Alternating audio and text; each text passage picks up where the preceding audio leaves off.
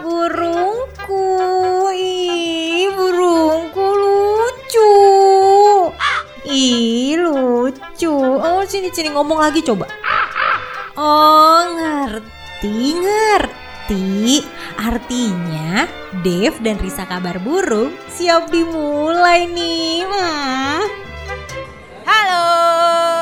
Halo, halo Bandung. Wah. Di kota Periangan. Halo hap, Bali dong. Jadi saya Jamil? Hap, hap, hap.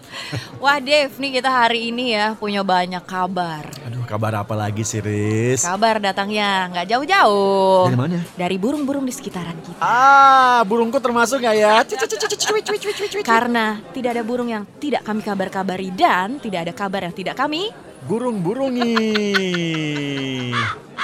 Aduh, tapi ya kabar burung kali ini nih Dev ya. Ini berkisaran dari burung-burung yang katanya memantau teman-teman di sekitar kita yang sering sekali nih memuja-muji pasangannya tapi tidak tahu diri. Oh, pastinya ini burung-burungnya cewek-cewek sih pasti. Soalnya mengidam-idamkan burung-burung di sekitarnya ya. Tapi juga banyak sih cowok-cowok yang suka mengidam-idamkan burung lain. Jadi- Aduh. Tapi juga banyak sih cowok-cowok yang suka mengidam-idamkan burung lain. Tapi yang ini nih ya permasalahannya tuh lebih kepada cewek-cewek maupun cowok-cowok juga Hmm. ada ya. Ya, Yang sampai bela-belain apa pun demi pasangannya. gua nggak habis pikir ya. Bela-belain itu biasanya ada udang di balik rempeyek. Termasuk selalu ada unsur ada Apa tuh? eh, mau di balik ngelakuin sesuatu. Oh Aduh, gitu. ada alasan yang kenapa Ada mereka alasan bisa sampai kayak pasti. begitu ya. Itu kenapa mereka ngelakuin kayak Kalau gitu? bahasa anak zaman now nih ya, Hmm. terkenal dengan kata bucin, cin, cin. Bucin. Apakah bucin itu mungkin Dev sering denger nih. Bucin. Gue sebenarnya baru dengarnya juga beberapa waktu yang lalu sih, ketika banyak orang yang udah mulai berubah ketika dia udah menemukan tambatan hati. Mm-mm. Oh Mereka gitu. sih bilangnya udah, wah gue udah nemuin soulmate setelah sekian bulan sekian lama. Akhirnya dia udah mulai berubah, yang tadinya deket banget, hampir tiap hari ngot sama temen, Mm-mm. udah nggak pernah lagi. Oh gitu. Yang tadinya uh, kontak-kontakan sama temen, seru-seruan, ayo main game bareng dan segala macam, udah nggak pernah lagi. Kadang-kadang eksklusif. Nah sama itu sesuai banget itu. sih ya sama kata bucin yang artinya adalah budak, Budak cinta. cinta. Nah kalau bucin sendiri nih, yang gue tahu nih kayaknya nggak pernah ada artinya di dalam kamus besar bahasa Indonesia ya. Pernah. Namun ini adalah masalah persepsi. Ya, seperti itu. Tadi dari burung-burung yang membisiki aku ya, mereka sering sekali melihat baik kita maupun orang lain yang akhirnya sampai terlunta-lunta dirinya Oh. gara-gara eh, ngebela-belain demi pasangannya. Ke mana-mana berdua, ngintil ke sana kemari dan mau juga dikintilin ke sana kemari. Oh, itu Terus yang baru- tadi eh, lo bilang Kalau ngintil-ngintil tuh pasti urusan cewek, kalau urusan, urusan cowok udah ngont. enak dong.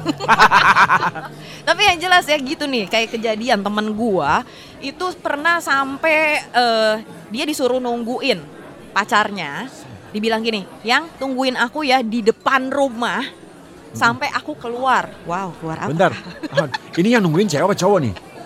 Ce- Ceweknya. Cewek nungguin Heeh. cowoknya. Alhasil dia beneran parkir depan depan rumah lakinya, Ya. terus nungguin sampai dua jam. Buset. Lakinya ada di dalam rumah, nggak tahu ngapain. Itu dia, tapi dia nungguin. Setelah dua jam ya udah, terus lakinya tuh baru keluar. Dan dia nggak tahu itu urusan Dan apa dia di nggak dalam. tahu itu ngapain, sampai Buset. segitunya. Biasanya kan kebiasaan kayak gitu cowok yang suka nungguin cewek nggak tahu dandanya udah kelamaan ke toilet udah sampai berbulan-bulan nggak keluar-keluar. Ini justru kebalikannya ya. Iya gitu. Wah, Itu kan kalau dari sisi cewek ya, ada juga nih cowok-cowok yang saking bucinnya kata Hmm. orang. Itu tuh juga yang kayak misalnya gini, bro, kita nonton bola yuk. Gak boleh cuy sama cewek gua gitu. Wah, nggak bisa sekarang gua udah cewek, gua udah baru. Kita harus selalu quality time, nggak bisa sekarang bisa. begadang-begadang sampai Iya. semalaman gitu ya. Ya. Wah, banyak yang kayaknya kayak gini ya. Nah, kalau lo sendiri ada pengalaman nggak sih Dev soal bucin-bucinan ini? Kalau gua pribadi sih kalau karena gua newcomer ya, gua nggak pernah pacaran. Akil balik juga baru kemarin lusa. Wow. Jadi nggak ada gua. Sunatan Sama. udah tapi sunatan. Sunatan sih masih proses separuh. Sunatnya juga pakai BPJS. Pakai dicicil kan. lama dong antrinya. Kasihan banget tuh. Tapi ada teman, karena gue udah jalan tahun ke-6 kan di Bali. Hmm. Jadi ada satu temen yang, wah dia udah ngidam-ngidamin banget tinggal di Bali, berarti harus hunting ya namanya bule. Jadi singkat cerita dia eh, punya laki, wah keren lah sesuai dengan apa yang dia mau. Tapi sampai akhirnya setelah beberapa bulan jadian, wah memar, babak belur di mana-mana. Dia selalu nutupin sama teman-temannya. Dia bilang katanya, oh nggak apa-apa ini cuma jatuh aja, kecapean dan segala macam. Wow. Tapi kita paksa-paksa, kita sebagai teman yang eh, baik, hati. baik Oh, hati, tidak sombong, suka kasihan. menabung. Mm-mm. Kita selalu nanya-nanya sama dia sampai akhirnya ada pengakuan kalau dia digebukin sama pacarnya. Cuman gara-gara debat kusir, nggak selesai-selesai gitu. Aduh, Jadi setiap argumentasi jedar gitu Jedar, ya. nggak Aduh, sabaran nih si digaplok. cowok bulenya itu. Tapi ya mau gimana lagi, dia tetap ngerasa harus Uh-uh. bertahan karena cowoknya support secara finance, cowoknya cakep, nggak malu-maluin kalau diajak Support kondangan. secara juga jangan-jangan. Hmm. Oh iya pasti itu yang utama Apa? ya justru ya. Gedong, Justru ya. gedong, Justru ya. gedong, gedong.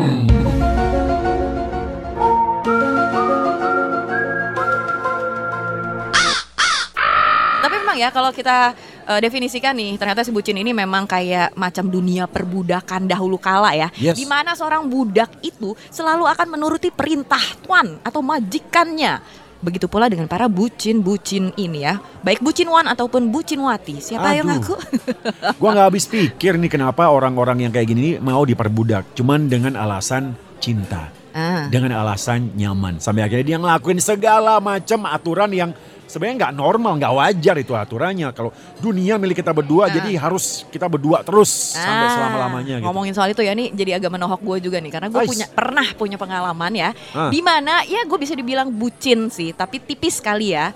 Ini gue bucin secara finansial, Bo. Kasian. berarti lo ngidup, ngidupin anak orang gitu? Eh, bisa Hidupin dibilang laki. begitu karena Nice. gue sempet bayarin kartu kreditnya doi gitu Wow. sih iya sih hodop ya kalau kata orang hodop alias bodoh gitu memang Udah anak itu betul now. heeh. Ah. tapi kan akhirnya juga gini karena gue waktu itu atas dasar pemikiran iya kan gue kalau ke mana-mana pergi sama dia dia ngeluarin kartu kredit tuh Hmm. apalagi kalau dia lagi cekak ya udah kartu kredit berbicara cetar gitu kan nah di saat-saat udah eh, tanggal-tanggal mau bayar kartu kredit Ya. akhirnya gua dengan apa ya namanya ya inisiatif sendiri sih Sukarela. iya sukarela ya udah Sama kayak yang sukarela lo ngasih keperawanan lo ke dia gitu. Sukarela lo ngasih keperawanan lo ke dia gitu ya. untungnya nggak segitu banyak juga sih dia Gak segitu, oh, oke. saya masih tahu diri makanya gue bilang bucin tipis Oh, iya, gitu bucin tipis. gue waktu itu Ha-ha. iya Itu demi apa lu bayarin kartu kreditnya dia? Biasa kan cewek Iya. gengsinya uh, udah selangit.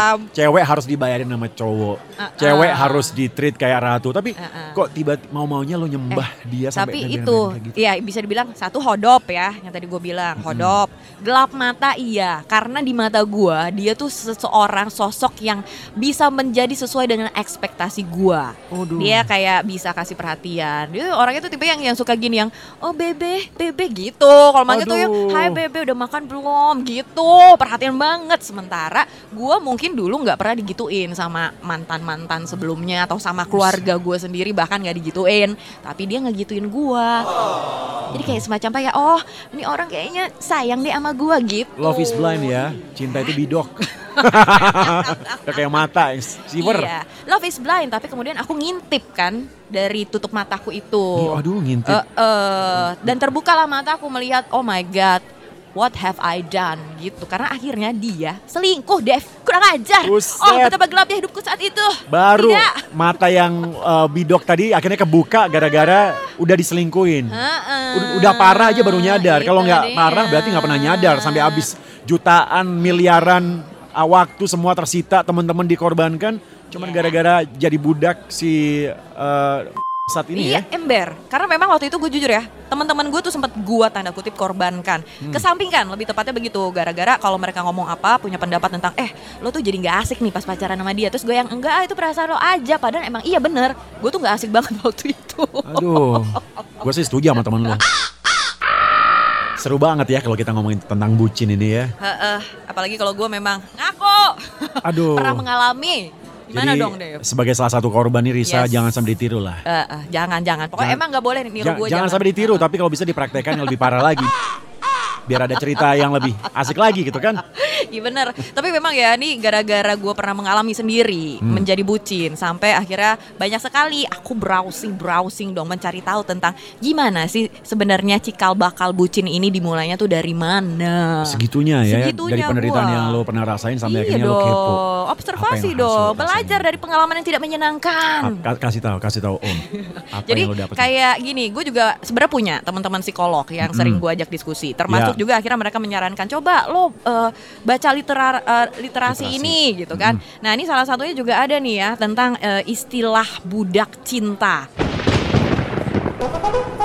Yang datang dari psikolog di Pontianak namanya Mbak Vera Novita Anggraini. Hmm. Dan dia bilang kalau bucin ini bisa terjadi gara-gara kita merasa selalu kalah sama pasangan.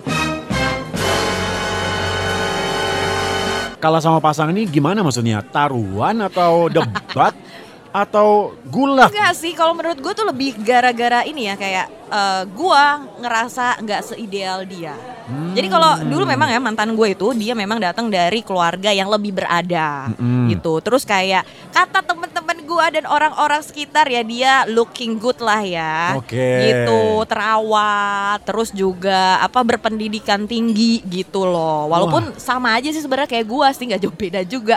Cuman emang gue bodoh aja waktu itu. Jadi gue nggak merasa ada di level yang sama kayak dia. Gue gak, ngeri ke- dari ciri-ciri yang lo sebutin. Terawat, pendidikannya tinggi. Reinhard Sinaga apa-apa nih ya? Dia kan terawat, pendidikan tinggi, udah mau gelar doktor. Eh, tapi dia melenceng ya ke arah yang lain Ke arah gitu yang kan. lain ya. Untungnya Sama-sama pasarnya melencengnya. beda, pasarnya beda. beda sama gua. Iya.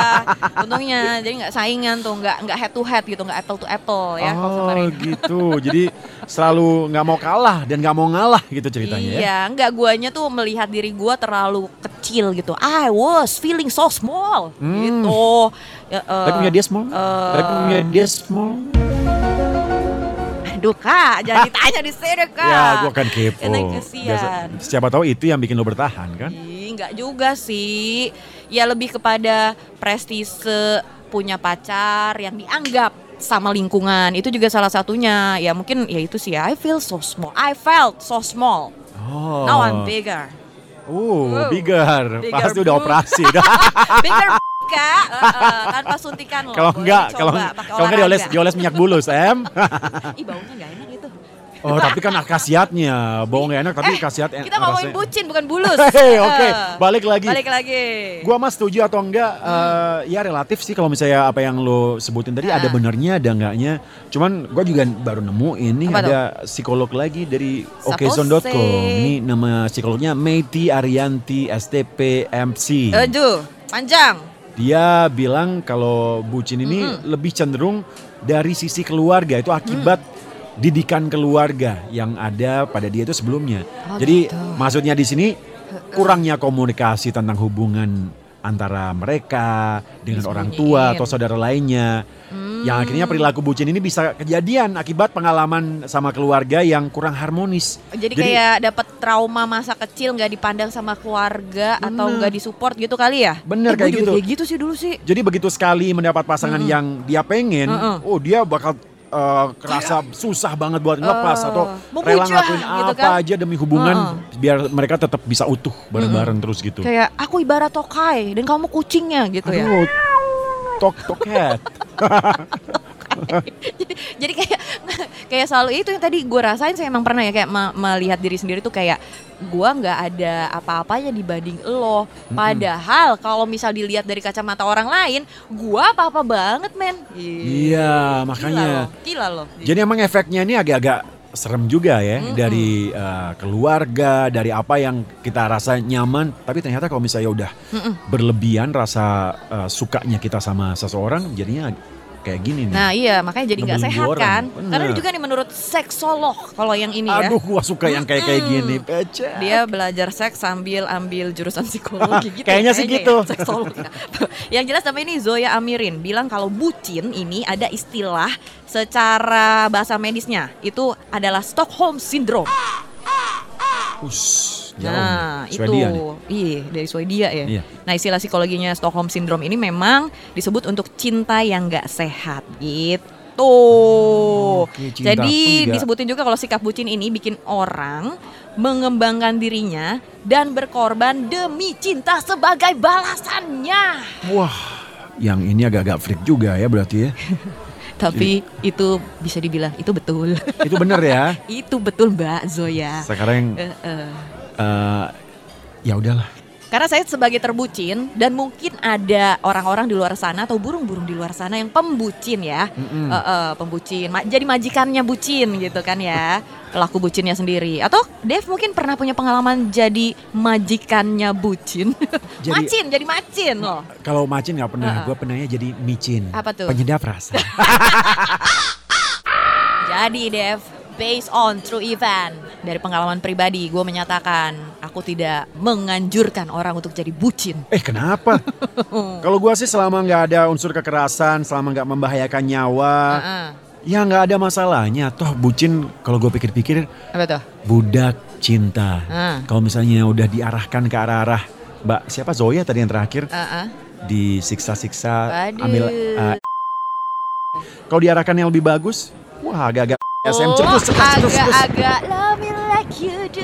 La, la, love me like you do. Apa tuh filmnya?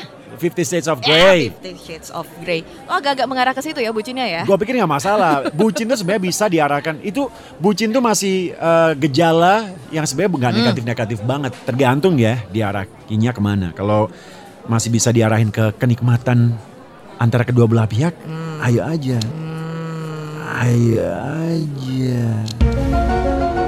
Ya, boleh lah ya. Nah, Atau keuangan kayak temen lo yang di provide gitu mungkin ya. Kalau soal duit masih nggak di apa namanya nggak direcokin gue mungkin masih bisa terima itu menurut gue Mm-mm. masih bucin tipis lah ya Ya. karena lo masih mendapatkan eh, apa namanya keuntungan gitu kan secara lahir dan batin Mm-mm. tapi kalau kayak gue ya waktu itu udah nggak ada untungnya bro Iyalah, tapi kok kebangetan kalau misalnya cewek yang sampai cari-cari duit gitu kan. Ntar ujung-ujungnya jual diri lagi demi suami. gue bayarin kartu kreditnya abis itu dia pakai cewek lain tuh gimana Aduh, mau dong dipakai juga. Gimana rasanya itu? Tapi emang sih ya itu pengalaman berharga banget. Karena gue jadi eh, paham banget diri gue waktu itu memandang, eh, gue memandang diri gue sendiri waktu itu sangat tidak berarti. Di bahkan kelebihan yang gue punya pun jadinya nggak bisa gue lihat gitu. Padahal kalau kata orang-orang lagi-lagi kan teman-teman Hmm. baik nih ya yang selalu bilang lo itu nggak worth it buat dia. Dan lo baru nyadar ketika lo udah putus sudah selesai, Yeah. baru nyadar kalau lo sebodoh itu gitu ya. Yes. Karena kemarin-kemarin udah terlena banget. Tapi w- apa pun itu antara setuju atau enggak ya memang dibalikin ke individual masing-masing, ke Yes. personal lo masing-masing gitu. Kalau misalnya memang ngerasa nggak nyaman ya udah segera bertindak aja kayak Risa daripada kebangetan, wah bangkrut, jual rumah, jual harta, jual diri, wah belum bahaya. jual diri itu dia. Tapi kalau gua pribadi, wah makin lo bisa jual jual diri itu udah tantangan, wah kenikmatan tersendiri, level tertinggi teratas, jus. Aku nggak sampai daftar ke Nikmatin aja. manajemen jual diri Indonesia.com. Burung aku, hai burung aku. Burung aku jangan ngambek dong. Dev dan Risa kabar burung, nanti ada lagi kok.